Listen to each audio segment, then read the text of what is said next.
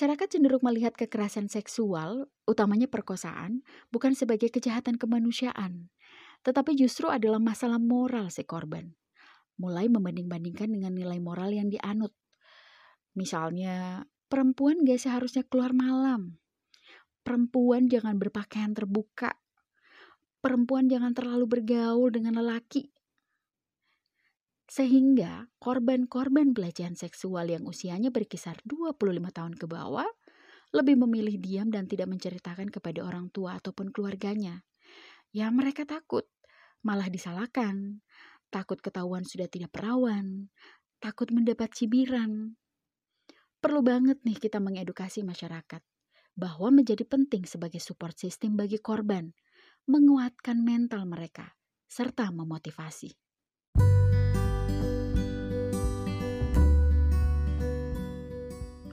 Hai hello, ketemu lagi di Ngobras. Ngobrol asik soal seni bersama Iin Ainar Lawide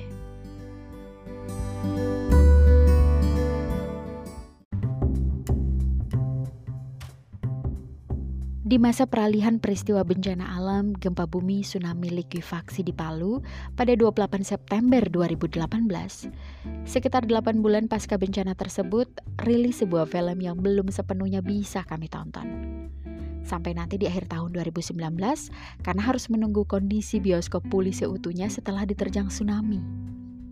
Nonton ah, biar bisa membuat sejenak lupa pada bencana. Baru sekali ini mau nonton film tapi nggak pernah nonton trailernya dan membaca sinopsis atau review apa pun dari film ini. Pokoknya langsung main nonton aja. Setahu saya, film ini tentang perempuan dan trauma gitu deh. Eh pas nonton hampir 2 jam, Film ini membuat hening perasaan. Ingin berkata-kata, tapi susah apa yang mau diucapkan. Baru kali ini, nonton film Indonesia membuat begitu banyak perenungan dan mulai berpikir bahwa iya ya, negara kita masih nggak mikirin gimana mental illness yang dialami para korban pemerkosaan ataupun pelecehan. 27 Step of May adalah drama keluarga yang menakjubkan besutan dari Raffi Barwani. Film ini berkisah tentang trauma psikologis yang dialami oleh Mei pada umur 14 tahun. Di mana dia mengalami perkosaan dan lebih ngerinya lagi, dia diperkosanya rame-rame. Ini salah satu poin yang bikin ngilu saat nonton film ini. Menariknya, film ini melihat dari sudut pandang si korban dan keluarganya yang menjadi dampaknya. Bagaimana kejadian setraumatis ini mempengaruhi psikologis dan kehidupan mereka sebagai masyarakat. Menurutku film ini depresif, menunjukkan beratnya usaha dan perjuangan si korban untuk bisa lepas dari trauma tersebut. Dan uniknya, ini film hening, minim dialog. Cara sang sutradara mengemas film ini sangat luar biasa. Upaya penggambaran transisi kehidupan Mei dari yang monoton penuh gejolak dan kontrol hingga menerima perubahan-perubahan kecil dan kontrol yang Mei lakukan akibat dari trauma psikologis karena munculnya bisa kapan saja. Bahkan dari pemicu sekecil apa pun itu akan berakibat pada fisiknya. Trauma pemerkosaan itu berbentuk kepedihan yang depresif dan berangsur lama. Bayangin, selama 8 tahun si Mei ini menjalani hal-hal yang sama setiap harinya. Kalau dalam kajian psikologis, trauma kekerasan seksual itu nggak hanya bersifat depresif bagi si korban, tapi juga bagi orang-orang terdekatnya. Dan harus kita akui, Mei-Mei yang lain itu ada dan nyata di negeri ini. Lalu bagi beberapa masyarakat awam menanyakan, kenapa nggak dilaporin aja sih? Tidak semudah itu untuk bilang tinggal lapor saja. Karena korban juga butuh waktu untuk bisa membawa kasus kekerasan seksual yang dialaminya kerana hukum bagi korban perlu menyiapkan diri secara mental dan harus membangun support system, di mana hal ini selalu menjadi kendala. Korban atau sebut saja penyintas, selain memiliki hak untuk menuntut, mereka juga punya hak loh untuk diam sebagai penjaminan keamanan. Dominan, penyintas yang tidak melaporkan kasusnya karena hukum karena support system yang tidak memadai. Kalaupun penyintas tersebut diberikan pendampingan, namun seringnya sih mengabaikan kondisi mental para korban. Sementara kekerasan mental itu nyata akan didapatkan oleh korban saat ia memutuskan untuk melaporkan, menuntut, bahkan menyuarakan kekerasan yang telah ia alami. Bahkan tidak sedikit loh, pihak terdekatnya sendiri seperti cycle pertemanan dia itu turut mengecilkan hatinya. Berkaca dari film 27 Step of May ini, pada pertengahan Juni lalu juga terjadi kasus perkosaan terhadap anak di bawah umur. Kejadiannya nggak main-main loh, di kantor kepolisian. Ini terjadi di Maluku Utara pada seorang perempuan berusia 16 tahun. Perkosaan dan serangan pada tubuh dan seksualitas adalah pengalaman berbasis gender yang dihadapi oleh perempuan dalam konteks penyiksaan. Dari catatan Komnas Perempuan, kejadian ini merupakan tindak pelecehan seksual secara verbal ada tindakan yang disengaja oleh rekan pelaku perkosaan untuk memisahkan korban dari temannya yang sebelumnya ditahan bersama. Pelecehan seksual ini termasuk dengan pertanyaan yang menghakimi cara berpakaian ataupun kondisi lain yang direkatkan dengan moralitas dan seksualitas korban. Kondisi korban juga diperburuk dengan tindak pemerasan yang diduga dilakukan oleh aparat lain dari satuan provos. Tentunya banyak kasus serupa yang terjadi di banyak wilayah di negeri ini di mana ancaman perkosaan dan pelecehan seksual itu masih selalu dan selalu terjadi. Masyarakat cenderung melihat kekerasan seksual, utamanya perkosaan, bukan sebagai kejahatan kemanusiaan, tetapi justru adalah masalah moral si korban. Mulai membanding-bandingkan dengan nilai moral yang dianut. Misalnya, perempuan gak seharusnya keluar malam. Perempuan jangan berpakaian terbuka perempuan jangan terlalu bergaul dengan lelaki. Sehingga korban-korban pelecehan seksual yang usianya berkisar 25 tahun ke bawah lebih memilih diam dan tidak menceritakan kepada orang tua ataupun keluarganya. Ya mereka takut, malah disalahkan, takut ketahuan sudah tidak perawan, takut mendapat cibiran. Perlu banget nih kita mengedukasi masyarakat bahwa menjadi penting sebagai support system bagi korban menguatkan mental mereka, serta memotivasi. Penyintas kekerasan seksual yang memutuskan bersuara itu malah sering dibombardir dengan pertanyaan bernada sanksi. Misalnya, kamu melawan gak? Kamu waktu itu teriak gak? Respon semacam itu tak hanya menyakitkan bagi korban, tapi jarang mereka malah diliputi rasa bersalah dan juga malu. Kepercayaan orang awam bahwa melawan dianggap sebagai refleks alami terhadap kekerasan seksual sering kali menyudutkan korban yang tak berdaya melawan pelaku. Padahal ada loh kondisi shock yang dialami korban yang sangat mungkin membuatnya sulit melawan balik. Kondisi seperti ini dinamakan tonic immobility atau reaksi biologis yang menyebabkan kelumpuhan sementara atas apa pun yang diterima oleh tubuhnya.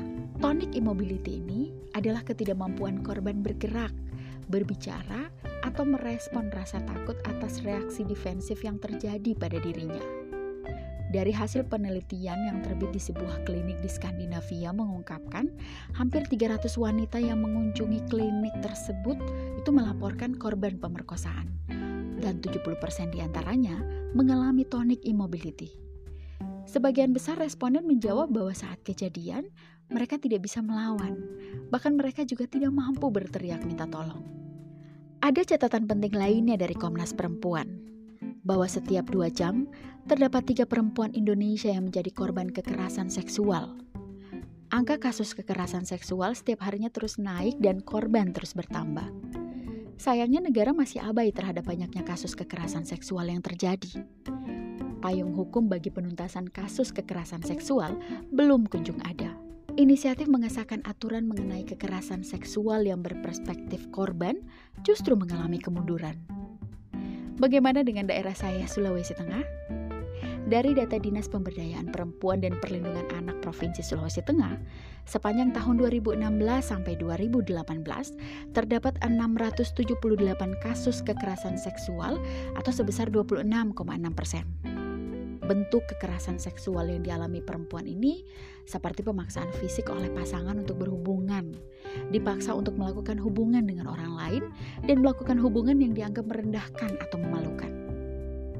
Dan data dari DP3A Sulawesi Tengah menunjukkan terdapat 246 kasus kekerasan itu terjadi kepada perempuan dan anak pasca bencana di Sulawesi Tengah. Sementara itu, dari data UNFPA, terdapat 57 kasus kekerasan berbasis gender dalam masa darurat bencana di Sulawesi Tengah, di antaranya penganiayaan fisik dan seksual, termasuk pemerkosaan selama November 2018 hingga Januari 2019. Pemerkosaan dan percobaan pemerkosaan itu terjadi di fasilitas mandi cuci kakus, area gelap dan terisolasi, serta di kamp pengungsian dan tenda-tenda. Dalam lingkungan masyarakat, perempuan yang mengalami pemerkosaan merasa tabu dan takut dipermalukan. Mereka khawatir akan kehilangan kehormatan dan dituduh berperilaku buruk. Bahkan remaja perempuan yang hamil setelah diperkosa berusaha menggugurkan kandungannya, dan sering kali dengan cara-cara yang tidak aman. Selama masa darurat bencana, terdapat dua kasus remaja perempuan meninggal karena aborsi yang tidak aman. Yang mengejutkan adalah kasus kekerasan seksual terhadap perempuan dan anak di tengah pandemi COVID-19 di Sulawesi Tengah cukup menonjol. Dari data DP3A Sultan, pada bulan Agustus sampai dengan Oktober tahun 2020, terdapat 686 kasus kekerasan terjadi kepada perempuan dan anak. Penambahan yang signifikan. Ada tiga kekerasan yang menonjol, yaitu fisik, psikis, dan seksual. Namun di masa pandemi, kekerasan seksual justru lebih menonjol. Ini bukan hanya sekedar angka-angka, tapi inilah fakta yang terjadi dan nyata hingga saat ini masih mengantui. Hukum yang ada saat ini belum sepenuhnya berpihak terhadap pemenuhan hak-hak korban yang lebih sering mendapatkan stigma. RUU PKS merupakan solusi atas urgensi kekerasan seksual ini. RUU PKS ini penting untuk didesak ke dalam prioritas prolegnas di tahun ini sebenarnya sebab belum ada regulasi yang menyentuh beragam bentuk kekerasan seksual. Kita ambil contoh. KUHP hanya mengatur mengenai perkosaan dan perbuatan cabul. Sementara Undang-Undang PKDRT hanya bisa menyeret orang dalam lingkup keluarga. Lalu ada Undang-Undang Perlindungan Anak. Ini hanya mampu menjerat pelaku kekerasan seksual pada anak. Perempuan korban kekerasan seksual kerap menjadi stigma dan korban diskriminasi dari lingkungan jika kamu masih tidak merasa ini menjadi urgensi bersama, cobalah melihat dari sebuah realita dengan sisi berbeda. Nonton film misalnya. Salah satunya film 27 Step of Me. Hatimu akan bergetar bahwa kekerasan seksual bisa terjadi di mana saja, kapan saja, dan menimpa pada usia berapa saja. Kita bisa menjadi agen untuk mengkampanyekan hal ini. Stop kekerasan seksual untuk kehidupan generasi Indonesia yang lebih baik.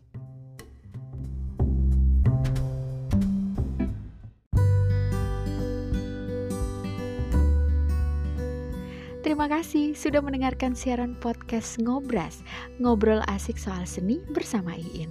Sampai ketemu di episode berikutnya.